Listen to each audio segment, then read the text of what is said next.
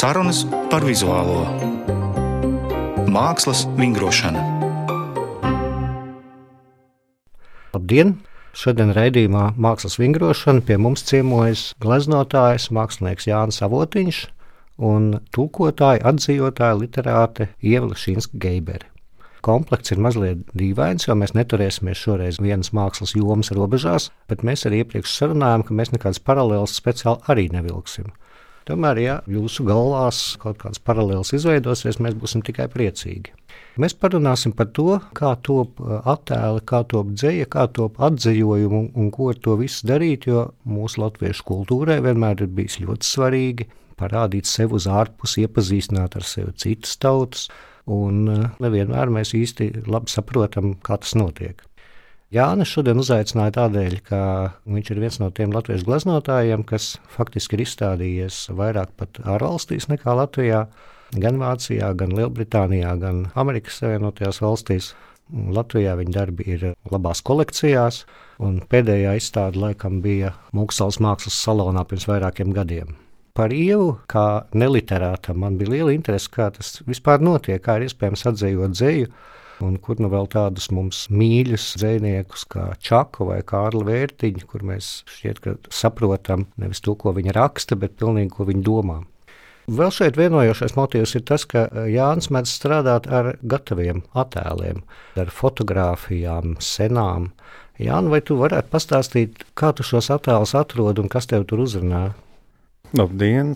Droši vien, ka studiju laikā un neatkarīgās radošās darbības pirmsākumos, tad, kad es sapratu, ka es varētu strādāt tieši ar attēlu kā avotu saviem darbiem, ne tikai gleznām, tad es viņus, protams, pats meklēju un varbūt pat patvaļīgi ņēmu. Bet dažu gadu gaitā es aptvēru to atbildību par to procesu, ka tas nedrīkst būt tik vienkārši man arī parādījās citi uzdevumi. Un tad varētu teikt, ka nevis es atradu attēlus, bet es sāku saprast, kuri attēli nosaka mani un ir noteikuši manas iztēles augšanu kādreiz, pat vēl senāk, bērnībā un tam līdzīgi. Un tad jau tā spēle, ja tā var teikt, kļuva ļoti, ļoti interesanta un aizraujoša. Un es sāku strādāt kā tāds arheologs, ne vēsturnieks, drīzāk tāds personiskās antropoloģijas arheologs, kas vienkārši kas vaļā tos iztēles līmeņus, līdz pat kaut kādām psiholoģiskām lietām, sākot no pavisam rotaļīgām. Un, nu, es momentā atradu arhīvu kopas, saistās ar Latvijas un uh, kolektīvās atmiņas tieši caur attēlu kā atmiņas glabātāju kopumiem, ar kuriem es, tas ir okeāns ir ārkārtīgi ietilpīgs materiāls, kur gandrīz neviens nebija strādājis. Piemēram, pirmskara periodu es izvēlējos vairāk strādāt ar privātiem attēliem, kas ir pamesti un anonīmi pārsvarā ne ģimenes, lai arī ar izņēmumiem jo tas ir saistīts ar kaut kādu ģimenes mitoloģiju par pirmskara zelta laikiem. Nu, un tad pēckara attiecīgi par cik privātie un subjektīvie vēstures rakstīšanas veidi bija tādi visi noklusēti un nevēlami, un tā tālāk bija tikai viena vēsture. Nu, tad arī tur man vairāk fascinē, un arī vairāk es jūtu, ka tas man bērnībā un visādi ietekmēs noteikti tie masu preses attēli. Ieva, man te droši vien nav jāprasa, kādēļ tu izvēlējies atzējot mūsu iemīļotākos dzēniekus, bet varbūt tomēr tur ir kaut kāds aprēķins, vai tu domā par to, vai viņi būs saprotami. Nu, protams, ka es domāju, vai viņi būs saprotami. Patiesībā es pie tās atzīšanas esmu nonākusi respektīvi, no latviešu uz angļu samērā nejauši, jo es ilgus laikus dzīvoju pārliecībā, un tādā pārliecībā dzīvo liela daļa cilvēces, ka nevar tulkot uz valodu, kas nav tava dzimtā valoda. Tad, kad es vienreiz savas bāžas par šo uzticēju vienam savam ļoti smalkam un konservatīvam uh, draugam Londonā, dzimušam Anglim, kurš ir piedalījies Tiesa Eliota rakstu sakārtošanā, Viņš man teica, nu, tādā gadījumā jau arī Džozefs Konrāds un Nabokovs arī nedrīkstēja rakstīt citā valodā. Tā kā esi nu mierīga. Bet nu, laiku pa laikam iznāk saskarties ar to, ka it kā to nedrīkst darīt, un iznāk darīšana ar redaktoriem, kuri skatās uz tevi no augšas un uzskata, ka viņi zina labāk. Nereti tas tā arī ir, bet ir gadījumi, kad viņi nezina labāk. Bet kā es pie tā nonācu, bija pateicoties Uldim Bērziņam, kurš gribēja, lai es atzejoju viņa dzējoļus, tāds cikls par parasti akmens. Tas bija tāds buklets kopā ar Ojāru Feldbergu, kur tiem akmeņiem bija dažādas lomas. Un, nu, es arī tur izteicu bažas, ka nu, es taču nevaru. Bet, bet nu, izrādījās, ka varu. Un tad uh, 90. gados, 90. gadu sākumā nebija daudz tādu cilvēku, kuri to varētu, bet savukārt sāka aicināt mūsu dziniekus uz dažādām konferencēm un tā tālāk. Un tad bieži vien atskanēja zvans, zini, man pēc piecām dienām jābūt tur un tur, vai tu varētu iztulkot desmit dzējos. Un tad pamazām tas tā vienkārši aizgāja, un tu pierodi pie tā un tā. Bet man e, ļoti interesanti likās tas, ko Jānis teica, ka viņš ir kā arheologs, un, protams, ka arī atzīšana ir sava veida arheoloģija, jo tev arī ir jālien cauri dažādiem slāņiem un jāuztausta tā stīga, kas tad varētu būt tai auditorijai, kas tevi lasīs, kas varētu tevi vienot ar, nu, respektīvi, to vienu valodu ar otru valodu. Tā kā līdzības tur ir. Jā, kā gadījās, ka tavas gleznas, kas atsaucas uz mums ļoti vietēji saprotamiem attēliem un atmiņām, kā viņas nokļuva citu valstu speciālistu, augstu speciālistu uzmanības lokā, ar sižetiem bija kāda nozīme? Tas sākums, kas ieceļoja tajā starptautiskā konvertējamajā pasaulē, tie attēli bija salīdzinoši universāli. Tas bija tas sākuma posms, kurā es nesapratu priekš sevis to izcelsmes lietu.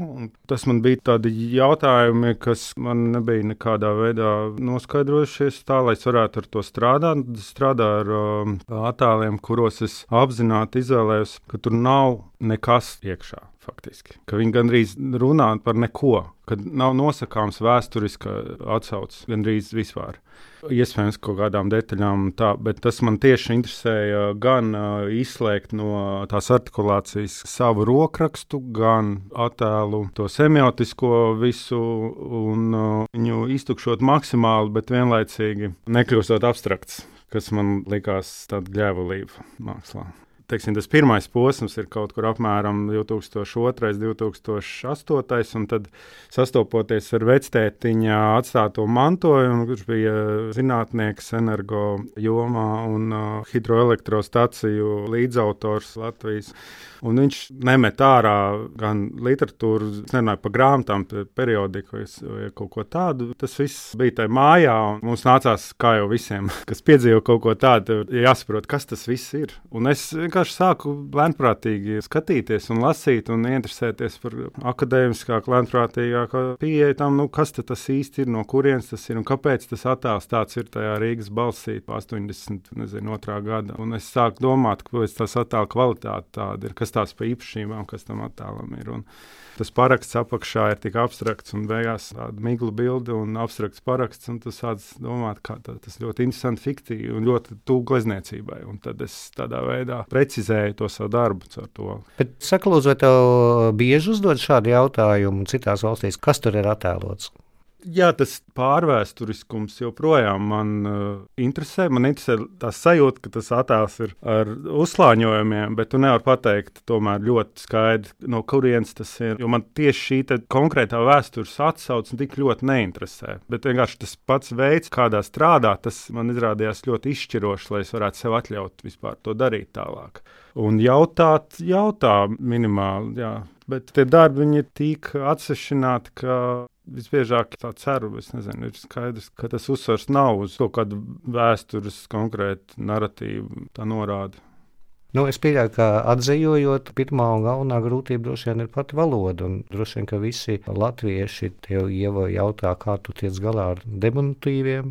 Nu, diminutīvi tā ir viena problēma, bet nu, kaut kā jau ar viņiem var tikt galā. Nu, ir jau tās parastās lietas, kā atskaņas, un tad ir jāvērtē, cik nozīmīga ir šī atskaņa. Un sevišķi čaku atzējot, tu pamazām ieej tajā viņa prātā, un tu jūti, kur tai atskaņai ir liela slodze un kur tas ir būtiski viņu saglabāt un mēģināt arī tāda paša veida vārdu atrast, un kur tas nav tik svarīgi, un kur tā atskaņa ir vienkārši mūzika vai kaut kas netik ļoti svarīgs. Nu, es pārsvarā cenšos tās atskaņas saglabāt, bet vēl viena tāda problēma, kas varbūt pat neienāk prātā, ir, ka latviski ir iespējams runāt arī dzējā ārkārtīgi aptuveni tas un tas notiek, tas un tas jādara, bet kam jādara, kas ir teikuma priekšmets, bieži vien nav skaidrs, un tad ir kaut kā jāpaļaujas uz kaut kādu intuīciju, bet angliski viņš tomēr ir jāieliek, tam ir jābūt kaut vai it, bet bez viņa nevar iztikt. Nu jā, tur var uh, viegli nošaut greizi, un savukārt, nu, ja tu tulko bez tā, tad tas vienkārši sanāk negramatiski un ļoti uzkrītoši un eh, ir skaidrs, ka tas ir vienkārši neveikls tulkojums. Es arī no dažiem labiem paraugiem esmu pieņēmusi, ka nav nekā tāda, ko nevar iztulkot. Bet nu, ir tomēr bijuši gadījumi, kur um, to var izdarīt, bet tas ir ārkārtīgi grūti. Un viens piemērs būtu Ulža Bērziņa dzējolis, kas sākas dīdz, prīļo maijini, vēl nu vēl cel mani zalgo dzel, zalo cēso baldzini. Nu, respektīvi, tur ir tik daudz iekšā, ja, ka, protams, to visu var arheoloģiski izrakņāt, bet tad, ja tu uztaisīsi to dzējot pēc būtības, tad tas jau būs pavisam cits kaut kas. Tas būs pilnīgi tavs radījums, tas vairs nebūs Uldis Bērziņš, un tur nebūs ne piebalga, ne cēsis vairs iekšā, bet, uh, es nezinu, Manchester. Jā, bet droši vien tas ir otrs slānis, tās atsauces vai nosaukumi, ko mēs vienkārši zinām, cits neviens nezina, kas ir piebalga. Un, Protams, un tad, un tad ir jautājums, nu, tad es vienkārši saku, ka nē, nu, šito es nevaru, jo es nesaprotu īsti, ko ar to darīt. Tur vienkārši vajadzētu ieslēgt eh, mikrofonu un ļaut, lai Uldis pats to lasa, un tad vienkārši var sajust to mūziku un to būtību, jā, nevis tik daudz to jēgu. Mēs varam uztvert, bet to neuztvers neviens cits. Nu, ir tādi vienkāršāki gadījumi. Man te bija Annas auziņas zejolis kurš sākas 38 gadus strēbu karstu, lēc uz ecēšām, kāpu uz grābekļiem. Tas, protams, ir latviešu dzējai ļoti raksturīgi visu šīs te lauku zemnieciskās zemes asociācijas. Laimīgā kārtā kāpt uz grābekļa arī angliski var. Nu, tad man ir nevis strēbu karstu, bet had ants in my pants, I played with fire un tā tālāk. Nu, tad tu mēģini kaut kā iziet no tā, mēģinot saglabāt kaut kādu idiomātiskumu, bet uh, ne burtiskumu, jo lēkt uz precēšām, nu, neviens nesapratīs angliski, ko tas nozīmē vispār. Jā, nu, tu teici, ka sižetiem nav tik liela nozīme tavās gleznās, un tas atkarīgs no tā, kā tu strādā. Es izstāstīšu klausītājiem, ka šīs fotogrāfijas, protams, nav pārgleznotas, tās ir drīzāk pārradītas uz audekla tādā ļoti aptuvenā un, un iztēla rusinošā veidā. Bet mēs pavisam nesen tavā darbnīcā skatījāmies, piemēram, darbu, kurā ir uh, dubultportretiņš, divas galvas, kas ir ņemtas no kādas padomu Savienības kongresa fotogrāfijas fotografijas. Kad tev jautā, kas tas ir, ko tu vari pastāstīt, vai cilvēks saprot, kas ir kongress, kāpēc šīs galvas, kāpēc viņas tev interesējušas. Es to avotu vienmēr lietoju ārkārtīgi autiskā, pat es teiktu, tādā veidā, jo es vienkārši uh, noņemu nost visu lieko, kas man neinteresē. Tas bieži vien ir ļoti neliels fragments. Es viņu uztveru burtiski, bet pats tas avots parasti ir tik daudzslāņains jau pats par sevi. Varētu teikt, poētisks, ka Viss, kas man atliek, gandrīz ir ievietot to jaunā, neatkarīgajā darbā. Un tas nianses, kas tur notiek, parasti man ir viss ir vajadzīgs tieši tas, kas tur arī ir. Kā kaut kādā ziņā es no jauna neko neradu. Un uh, par tiem kongresmeņiem tas stāsts ir par uh, darbu periodikas arhīvā, bibliotekā un šķirstot Rīgas balsi vai cīņu avīzi piecus gadus pēc kārtas vienā un tā pašā datumā ir tieši tādas pašas kompozīcijas grupas bilde pa visu pirmo vāku vai trešo vienalga. Un tur ir tieši tās pašas sejas, un ar dažiem izņēmumiem, kas ir nomiruši un nomainīti ar citiem, bet var skatīties arī tos, kas tur atkārtojas. Tur redzat tās emocionālās nianses un tās absolūti bezcerīgi, garlaicīgās emocijas, kas tur uh, ir sastingušas. Un tad uh, likās ārkārtīgi spēcīgs laikmeta zīme. Un, uh, es domāju, kā to padarīt tādu uzskatāmu, ka mākslas darbā ir jāveido kaut kāda režija vai poetizācija, mākslīgi paņēmieni. Tad uh, es izvēlējos pārīt tieši tos, kur divi blakus ir kaut kā aizsapņojušies vai iegrimuši dziļās domās, jo kur gan citur viņi tur var iegrimt tādā kongresā, viņi gandrīz visi ir totāli tā kā undead. Un uh, vienlaicīgi paralēli es arī to uh, Jurčā grāmatu lasīju Everything was forever until it was no more, un uh, tas tik ārkārtīgi precīzi sasaucās ar to um, kongresmeņu sēriju, kuras uztaisīja veselu personāla izstādi. Es nosaucu tāpat kā tā Jurčā grāmata, bet tā izstāde arī bija drausmīgi tuvu tai kongresa kopbildei.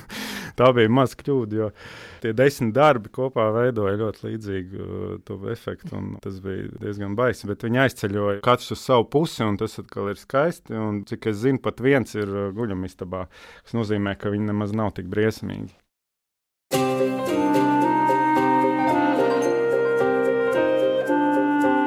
Mākslas vingrošana. Es atgādināšu, ka pie mums ciemos ir gleznotājs Jānis Savotiņš un atdzīvotāja Ieva Šinska Geibere. Ievai gribēju jautāt par valodu, par tādām reālijām izrunājām, bet ir jau arī kaut kādas pieredzes, kas mums ir mūsu paudzē vai paudzēm kolektīvas, un mēs viņus saprotam. Un droši vien citur tās ir citādākas. Es kā piemēru varētu minēt to Kārļa Vērdiņa dzīvolu, ko droši vien visi zina par sirmaizīti, ko tu laikam esi atzījusi kā sandviču tur kaut kāda nianses neglābjama zūd. Kā ar šo mēs rīkojamies? Nu, tie jau ir tādi kompromisi. Nu, ko tur darīt? Nē, es nezinu, varbūt kāds var iermaizīt, iztolkot kaut kā savādāk, bet nu, man tas nelikās būtiski. Bet nu, šis dzējos tika atzīts par vienu no 50 labākajiem mīlas dzējoļiem.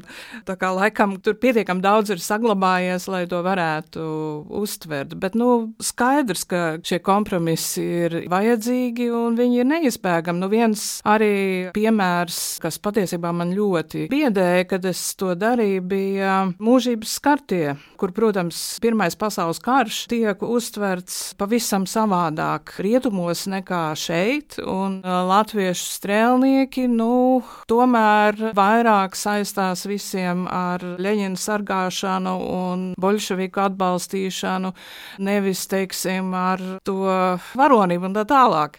Un tad, kad es tulkoju, tad man uh, likās ārprāts, un te ir tāds maskulīnais hormoni nāk ārā, ka nezinu, kā tas būs. Grāmata, protams, nekur tālu nav aizgājusi, jo viņa tika izdota šeit uz vietas un tā tālāk, bet mani pārsteidza dažu angliski runājošo reakcija.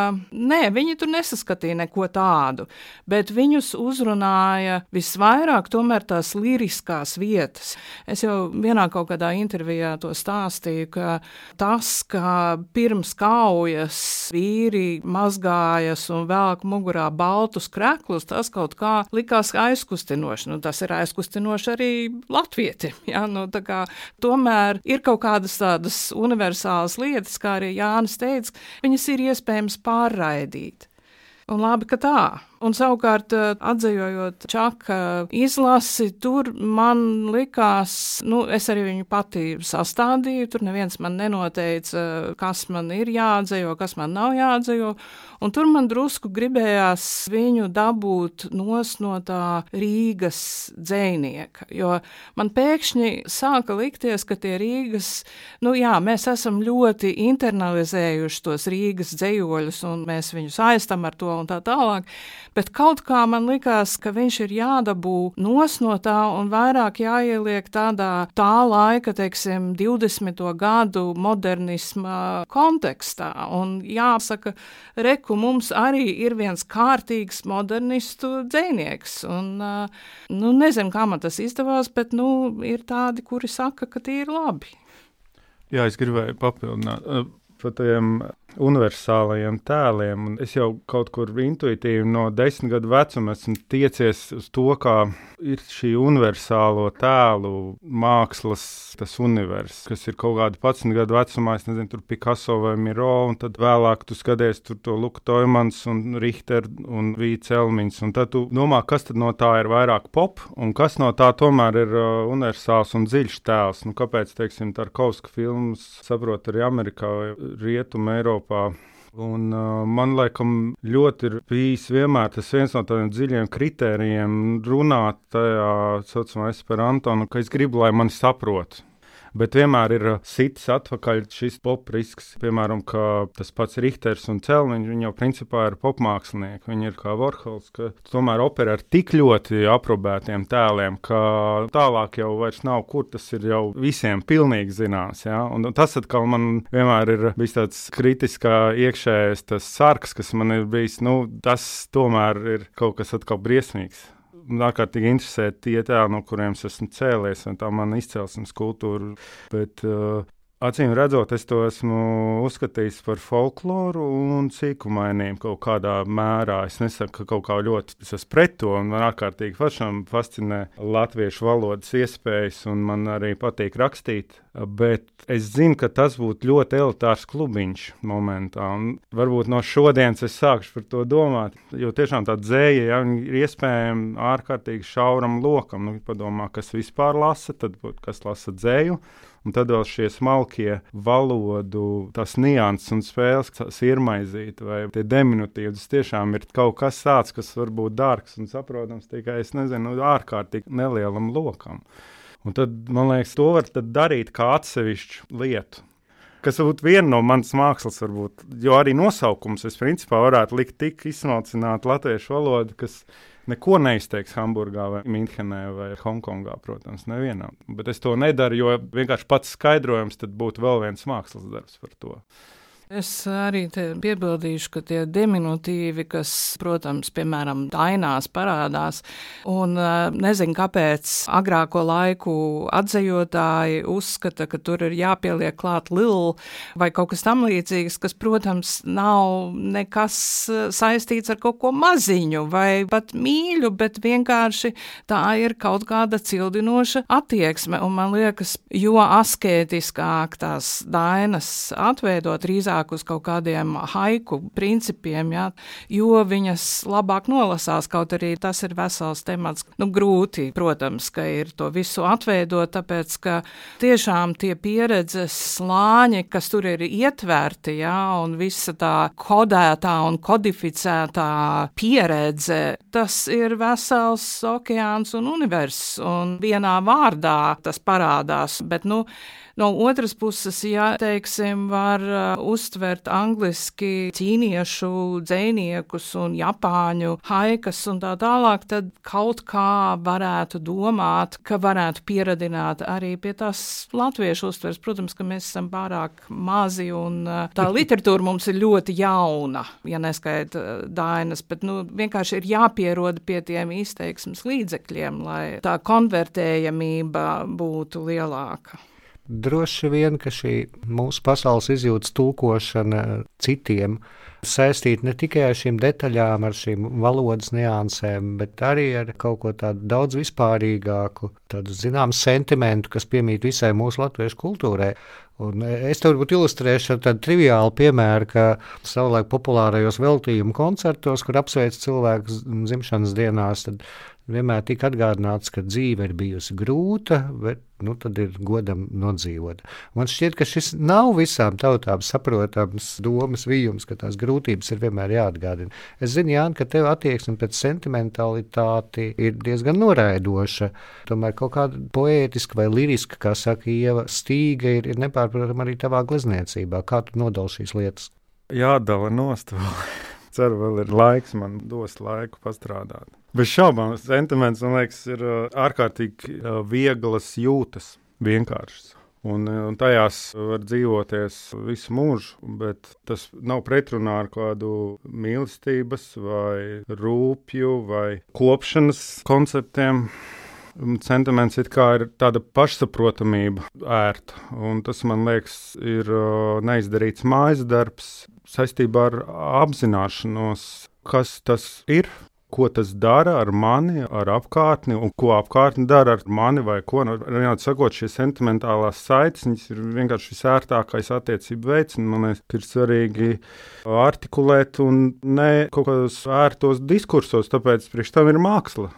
Un māksla tāpēc jau ir, un Nīčs tāpēc nožēloja, ka viņš rakstīja teoriju mūža beigās, un ka viņš nav rakstījis tikai mākslu un ka tā ir visdziļākā un muļķis un neko nesapratīs un gudrais uh, iegūs. Un kamēr tu dod uh, instrukcijas un, un, un ērtus rīkus domāšanai, tad uzreiz ir uh, auglīga augsne neveselīgām ideoloģijām, kā mēs to zinām. Un tāpēc nav vērts nolaisties zemāk, tāpēc, lai saprastu vairāk, Bet nu, jāturās turpat, un kas būs, būs. Bet vismaz tu nebūsi e, devis lāču pakalpojumu tiem, kas nedara šo mājas darbu, ar tiem sentimentiem visiem mētiem. Nu, tā. Jo vai tev arī nācies domāt par tādu atmosfēru? Droši vien, ka tas ir pats galvenais, atzējot par kopīgo koptēlu. Nu jā, protams, bet nu, man ir uh, tikpat liela alerģija pret uh, sentimentu kā Jānim, un man uh, arī gribas vienmēr izvairīties no tā. Tāpēc, ka man šķiet, ka tā ir tāda primitīva attieksme pret lietām, un vienkārši tas kļūst par kaut ko klišejisku un manipulatīvu, un tam ir momentā jāizraisa kaut kas. Kā, man liekas, Milāns Kunders teica, ka nu, tev norit asara, un tad tev norit otra asara par to, ka tev ir noritējusi asara. Ja? Nu, tādā stilā, bet nu, mani ir audzinājis Ezra Pauns lielā mērā. Ja? Tāpēc es ļoti esmu arī izvairījusies tulkot, tad, kad man ir tāda iespēja atzējot tādus čaka dzējos, kur tas ir stipri sentimentāli, bet tomēr es nolēmu, ka Miglā asaro lokus man ir jāuzstājas, bet pēc iespējas skarbāk. Jā.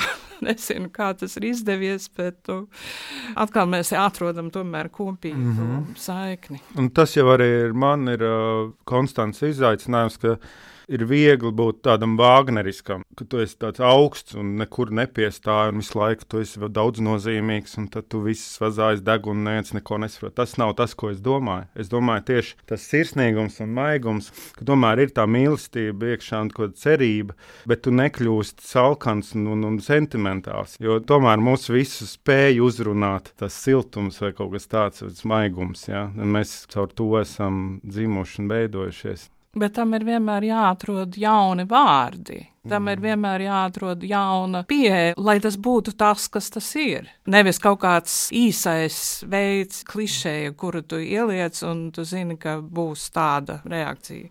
Es domāju, ka mēs esam eh, neviļus nonākuši pie diezgan nepārprotamām līdzībām par glezniecību, par dzēju. Un atgādināšu klausītājiem, ka pie mums studijā bija glaznotājs Jānis Avotiņš un literāta Ieva Lešīnska Geibere.